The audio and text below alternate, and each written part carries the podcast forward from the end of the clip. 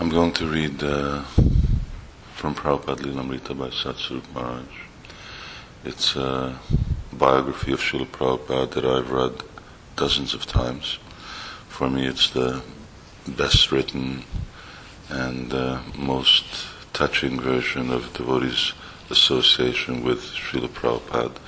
Certainly, many of the other uh, biographies and uh, recounts of devotees' association are very wonderful. This is my favorite. And I'll read from uh, the last chapter entitled The uh, Final Lesson. I don't know if I can read the entire chapter today. If I can't, then I'll continue tomorrow. And uh, while listening to this, then should all be in the consciousness of absorption in Srila Prabhupada, which will obviously mean feeling separation from Srila Prabhupada, and in that separation from His divine grace, then will also be in His association. Despite his promise to live, Srila Prabhupada said his life was still in Krishna's hands. Everything was. His free choice did not mean he was absolutely independent. Rather, the pure devotee's attitude is to freely surrender to Krishna, whatever happens. In the mood of the gopis, the foremost devotees of Lord Krishna, Lord Chaitanya Mahaprabhu prayed, You may handle me roughly in your embrace, or make me broken-hearted by not being present before me, but you are always my worshipable Lord unconditionally. Because the exchanges between the Lord and his pure devotees are always supremely personal, both the Lord and his devotees express desires and individual will. In his childhood Leela, Krishna sometimes breaks Mother Yashoda's butter pot, and sometimes he allows her to catch him and bind him. In any case, the will of the Lord and the will of the devotees are always one in interest, but they are sometimes expressed in the form of a loving conflict. Similarly, although Srila Prabhupada had promised his devotees that he would stay in the world and defy death, he still remained surrendered to the will of Krishna. Srila Prabhupada had already expressed his surrender in the prayer he had given his disciples to offer on his behalf. My dear Lord Krishna, if you desire, please cure Srila Prabhupada. By the phrase, if you desire, he was reminding his followers of the supreme prerogative of Krishna and was asking them to abide by it, although he was also giving them an acceptable way to petition Krishna. In a similar case in 1967, he had given his disciples another prayer. My master has not finished his work. He had said that when Krishna had responded to his prayers, granting the wishes of his devotees, Srila Prabhupada himself was responding to the devotees' prayers, and Krishna had given him the choice. But as a surrendered soul, Srila Prabhupada waited for further developments, ever sensitive to Krishna's desire, period. As Srila Prabhupada had said when invited by Kirtananda to come to his palace in New Vrindavan, let us see which palace I'm going to. As a loving tension can sometimes exist between the Supreme Lord and his pure devotee, so now a similar tension existed between Srila Prabhupada and his followers. Prior to his disciples' desperate petition at his bedside, Srila Prabhupada had seen his duty as instructing his disciples in how to die. Part of his mission was to set the perfect example in this most important lesson how to pass life's ultimate test. But now his disciples were asking him to postpone the lesson in dying and stay with them indefinitely in the preaching field. And Prabhupada had agreed, showing that he had the ability to live if he chose. But sooner or later, he would have to return to the lesson on how a person should face the end of life. One special feature of Srila Prabhupada's activities and his relating intimately to the human condition, while at the same time remaining aloof and transcendental. As a pure devotee, he was not spe- subject to the laws of karma, which awards reaction for pious and sinful deeds. He was not born by the force of karma, nor would he die by the force of karma.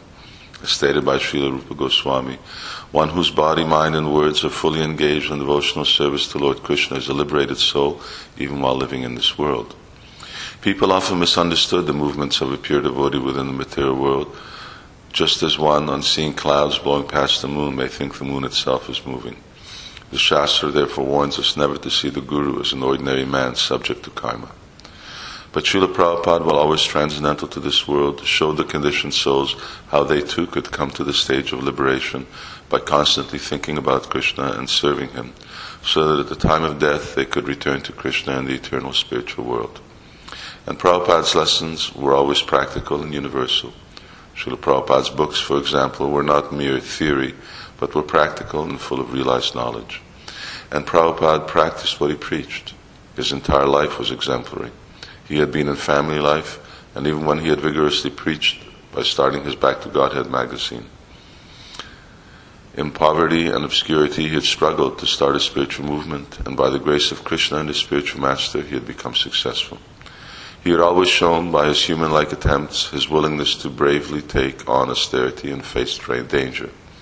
He had shown exemplary spiritual life for all to try and follow. He had gone alone in old age to a foreign country and had chanted Hare Krishna in a park in New York City, attracted the young men and women of America. Therefore, everyone should take his example and try to serve Krishna, despite the immediate impediments. Srila Prabhupada encountered obstacles, yet by his free will and the help of Krishna, he surmounted them. This was his wonderful example. It is said that Lord Chaitanya 500 years ago made surrender to Krishna more attainable than Lord Krishna had 5,000 years ago. And now in the 20th century, Srila Prabhupada had made Krishna consciousness possible for people all over the world. As part of his instruction and example, Srila Prabhupada knew he would have to know, show how to people how to die. He had escaped death a number of times by Krishna's grace, by the prayers of his disciples, and by his own pure and powerful will to propagate his movement.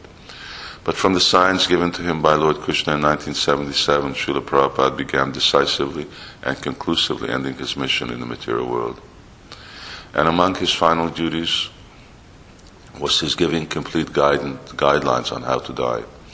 He was perfectly showing how to do that, which everyone has to do, but which is most difficult to successfully do die.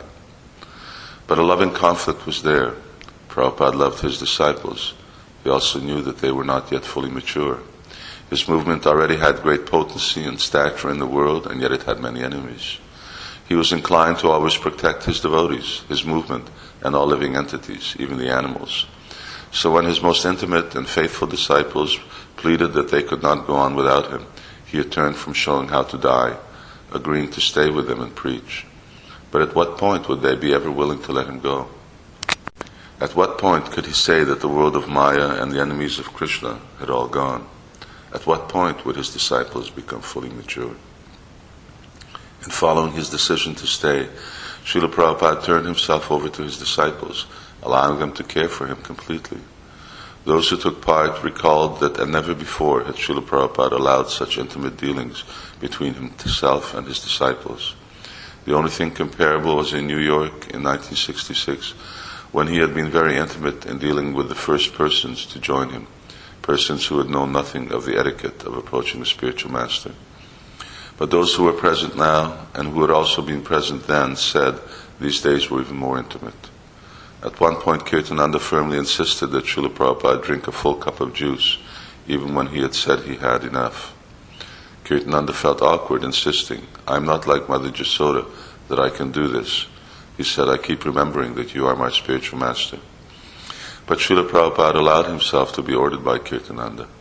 Similarly, Bhavananda, Tamal Krishna, Bhakti Charu, Upendra, and other servants coaxed Srila Prabhupada to follow certain diets and cared for his body constantly. The other devotees were reminded of the story of Ishwar Puri, who gave intimate bodily service to his spiritual master Madhavendra Puri when Madhavendra Puri was in the last stages of his life and apparently invalid. According to the Chaitanya Charitamrita, it was by this menial bodily service that Ishwar Puri proved his love for his spiritual master and was allowed to become the spiritual master of Lord Chaitanya. Srila Prabhupada had deferred the lesson in dying in favor of giving his disciples an unparalleled opportunity to serve him in pure and simple love. And he allowed this not only for a few, but for whoever came to Vrindavan. Many came, and all were allowed to enter Srila Prabhupada's room massage his body, and sit with him as long as they liked, day and night, chanting the holy name for his pleasure. Srila Prabhupada also recommended his trans- recommenced his translating, and this was done openly. Whereas previously he had been he had always worked in solitude, He now encouraged all devotees to come as he lay in bed, dictating his Bhaktivedanta purports. He was giving himself completely and declaring it also, telling the devotees present, Never leave me, and I cannot live without your com- company. They had asked him to stay, and he had agreed, consigning himself completely to their care. Those who were blessed to have this service felt themselves passing over all barriers of reluctance to serve, as well as all barriers of material desire. By intimately serving Srila Prabhupada, they felt the strength of complete surrender and sensed that this world, that this would sustain them always, even when Srila Prabhupada eventually did depart from the world. Prabhupada also continued speaking, as he had in recent months, about being unafraid of death and being fixed in transcendental knowledge. When receiving a presentation of some of his books, recently printed in Portuguese by Hridayananda Goswami, Prabhupada encouraged him and said, This is life. The material world is just bones. The bones are not our real life. Our real concern is the living force. The bones may remain or go. It doesn't matter. The real life is sustaining the bones. There is even a history that there was a rishi who had only bones. So there is a science by which you can sustain life by only bones. Hiranyakashipu did it. You are also doing it, Srila Prabhupada, Krishna said. So take care of the bones as long as possible, said Prabhupada. But the real life is here. Always remember that. The material world means we are simply all protecting bones and flesh together, but they have no knowledge of what they are. And when Atreya Rishi visited Srila Prabhupada and asked that he visit Tehran, Prabhupada said that he was ready to go, but now you have to take a bundle of bones. These were, of course, the same themes that Prabhupada had always taught, the same themes that were in his books, but the lessons were more poignant and striking when Prabhupada applied them to his own situation. More than one devotee compared Prabhupada to Bhishma Dev, who gave important instructions in his last days. As Bhishma felt no pain and delivered learning and loving discourses even from his bed of arrows, and as Bhishma determined by his own will the time of his departure from his world, so Srila Prabhupada spent his last days oblivious to his physical def- condition, defying death and instructing his spiritually innocent sons. But Prabhupada's sons could no longer stand by and simply hear the philosophical lessons. Prabhupada had accepted their affection when they had cried for him to stay with them. And now they wanted to express their affection in the only world they understood, a world with Srila Prabhupada living and talking with them, laughing or reprimanding them as he liked. They wanted him to eat and drink and become physically strong again. But again, Srila Prabhupada seemed to change and he began refusing food and drink. He had postponed his passing away to exchange lovingly with his disciples, and yet at the same time, by refusing to eat or drink, he was showing his preference for passing away. He admitted, when pressed, that it was impossible course of action to live without food or drink, nor did he expect or want miracles. If he was to get better, it would be by taking nourishment. But for reasons of his own, he would not eat. He said recovery was material, and he didn't want it. He kept closely in tune with the will of Krishna, allowing the holy name to sustain him. The doctors who came were often puzzled, but those who were Vaishnavas understood and respected his prerogative. Prabhupada's servants made anxiety filled attempts to induce Prabhupada to take regular treatment. But Srila Prabhupada preferred to take only Kirtan and Bhagavatam, while at the same time sustaining a willingness to live. He emphasized with his disciples anxiety and patiently explained the puzzling situation they were in. He wanted their care and he allowed them to try and treat him, knowing that it was bringing them more and more into a surrender of love. But gradually it became more clear that Krishna's will was indicating Prabhupada's departure. Srila Prabhupada, Bhavananda coaxed, always working on the assumption that Prabhupada could stay if he wanted. Your presence on this planet is the only thing that's keeping the onslaught of Kali Yuga from really taking effect. We have no idea even what will happen if you leave. It is not in my hands, said Srila Prabhupada with perfect clarity of consciousness. Krishna Balaram. Srila Prabhupada always spoke clearly, logically, and with complete devotion to Krishna. Up until the last, he dealt with practical matters, forming a Bhaktivedanta Swami charity trust for reconstructing ancient temples in Bengal and arranging final details regarding ISKCON properties and monies. Through all dealings, he stayed always alert, and he absorbed himself in Kirtan and Bhagavatam. But it became obvious to his disciples that, despite his promise, he was again moving inevitably towards giving the final lesson. He was teaching that love was beyond death, that a disciple's love could call the spiritual master back to the world to stay, and that a pure devotee has the ability to stay in the world beyond his allotted time. Meanwhile, however, he was progressing steadily to the final point. The devotees didn't feel angry with him or cheated that he was doing so. He had told them that he had free will given by Krishna, and they also, by their free will, had asked him to stay, and he had agreed. But they knew he was not obliged. If, despite their prayers, Lord Krishna was telling Srila Prabhupada that he should come back home, back to Godhead, what could they do but accept? If Srila Prabhupada was accepting, then they would accept also. Nothing, however, could change the fact of their surrendered love. It had now become a solid pact that could not be vanquished by any material changes. They had passed the test of eternal loving service, and that could not be taken away by death. Up until the end, there were interludes of sweetness as well as displays of Prabhupada's indomitable mood of fighting for Krishna. One day, Prabhupada's sister Pishima arrived unexpectedly, and Prabhupada asked her to cook khichdi. At that time, Kirtananda was trying to put Prabhupada on the road to recovery by gradually increasing his liquids, and Kirtananda and the other devotees opposed the idea of his suddenly eating solid foods. But Srila Prabhupada insisted. It doesn't matter what, uh, whether what she cooks does good to me or bad, said Srila Prabhupada. She's a Vaishnavi, it will be good for me. He then began speaking in an extremely humble way. Probably I became a little puffed up because of my opulence and success, he said. Now God has shattered that pride. If you don't have your body, what is there to be puffed up about? Bhakti Charu Swami protested. Srila Prabhupada, whatever you have done, you have done for Krishna. That may be, but in this world, unknowingly, you commit offenses. When Pishima heard this, she exclaimed, No, no, he can never commit any offense. You cannot ever commit offenses, said Bhakti Chiru. You are God's very dear one. How can you commit offenses? I am a little temperamental, said Srila Prabhupada. I used to use words like rascal and so on. I never compromised. They used to call it a club in one hand and a Bhagavatam in the other. That is how I preach. Anyway, make arrangements for my sister. There were also visits from Srila Prabhupada's godbrothers, and again Prabhupada asked forgiveness for his offenses. One time Niskinchana, Krishnadas Babaji, Puri Maharaj, Ashram Maharaj, Ananda Prabhu, Purushottam Brahmachari, and about 20 others came and sat next to Prabhupada's bed. He was resting when they arrived, and they joined the kirtan until he awoke. When he saw them, he asked to be raised up. Sitting in the center of his bed with his godbrothers all around, he addressed them. All over the world, there is a beautiful field to preach Krishna consciousness, he said. I didn't care whether I would be successful or not. People are willing to take. They are all, they are all taking also. If we preach together, the saying of Mahaprabhu, Pritiviti, will come true. We have everything. Spread the holy name and distribute prasad. There's a beautiful field in Africa, in Russia.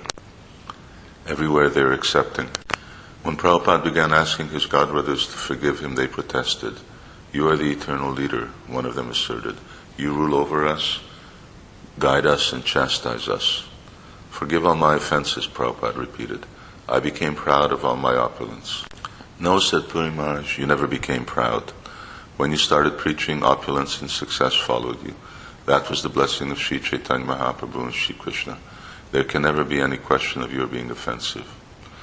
When Srila Prabhupada presented himself as Mahapatita, greatly fallen, Puri Maharaj did not accept it. You have saved millions of people around the world, he said. Therefore, there is no question of offenses. But you should be called Mahapatita Pavana, the great saver of the fallen. Prabhupada's disciples regarded Prabhupada's asking for his godbrother's forgiveness and a manifestation of his humility. But they were also puzzled. Certainly Prabhupada's godbrothers were sincere in saying Prabhupada had committed no offense. Whatever he had done, he had done for Krishna. But Srila Prabhupada was also sincere in asking for forgiveness. That was the beautiful gem of his humility, to ask everyone for forgiveness. For the purpose of preaching, displaying this gem had not always been the most effective way to spread the merciful teachings of Lord Krishna in every town and village. But now it could be displayed. In London and now in Vrindavan, Prabhupada was showing his disciples extra affection and gratitude without the reprimands usually necessary in training disciples. This attitude of complete humility was a symptom of the highest stage of devotional life. Srila Prabhupada has explained in his books that the Madhyamadikari, the second class devotee, makes distinction between the devotees, the innocent non-devotees and the demons, whereas the Mahabhagavat, the first class devotee, sees everyone except himself as a servant of God. Sometimes, however, the Mahabhagavat desires to come down from the first class platform to the second class platform, just to take up the most compassionate service of preaching Krishna consciousness. Prabhupada's disciples had all read of the Mahabhagavat stage in the scripture, and now they were seeing it fully displayed as Srila Prabhupada referred to himself as the most fallen and asked for everyone's forgiveness. Srila Prabhupada ki jai.